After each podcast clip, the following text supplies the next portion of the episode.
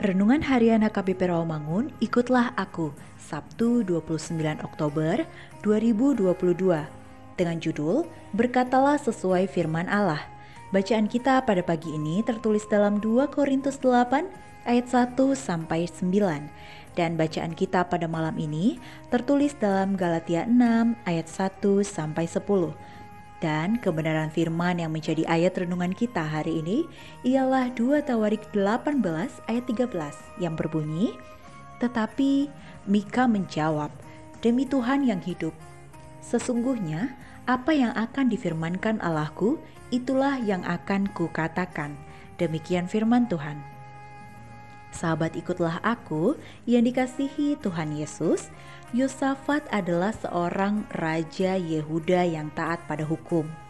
Yosafat kemudian mengadakan pernikahan silang dengan keluarga dengan Ahab di Samaria. Kala itu, Ahab mengajak Yosafat berperang melawan Ramot Gilead. Namun Yosafat ingin meminta petunjuk Tuhan terlebih dahulu. Maka Ahab mengumpulkan 400 orang nabi dan bertanya, apakah mereka boleh berpergian berperang melawan Ramot Gilead? Kata mereka, majulah, Allah akan menyerahkannya ke dalam tangan raja, seperti yang tertulis dalam ayat 5. Tetapi Yosafat tetap meminta petunjuk dari Nabi Tuhan. Lalu Ahab pun memerintahkan suruhannya menjemput Nabi Mika.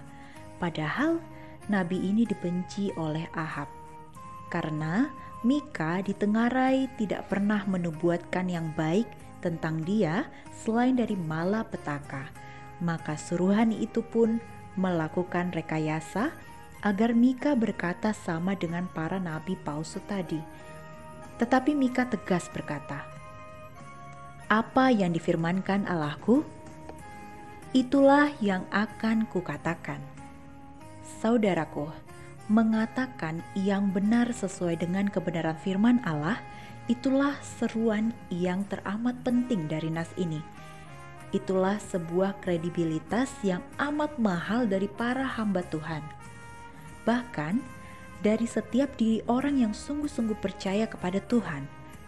Maka janganlah pernah engkau tergoda untuk membelokkan firman Tuhan berdasarkan pikiran atau berdasarkan keinginanmu sendiri atau sesuai dengan pesan-pesan sponsor duniawi, bahkan untuk kepentingan politik praktis lainnya sekalipun. Tetaplah konsisten berkata sesuai dengan kebenaran firman Tuhan. Amin. Mari kita berdoa.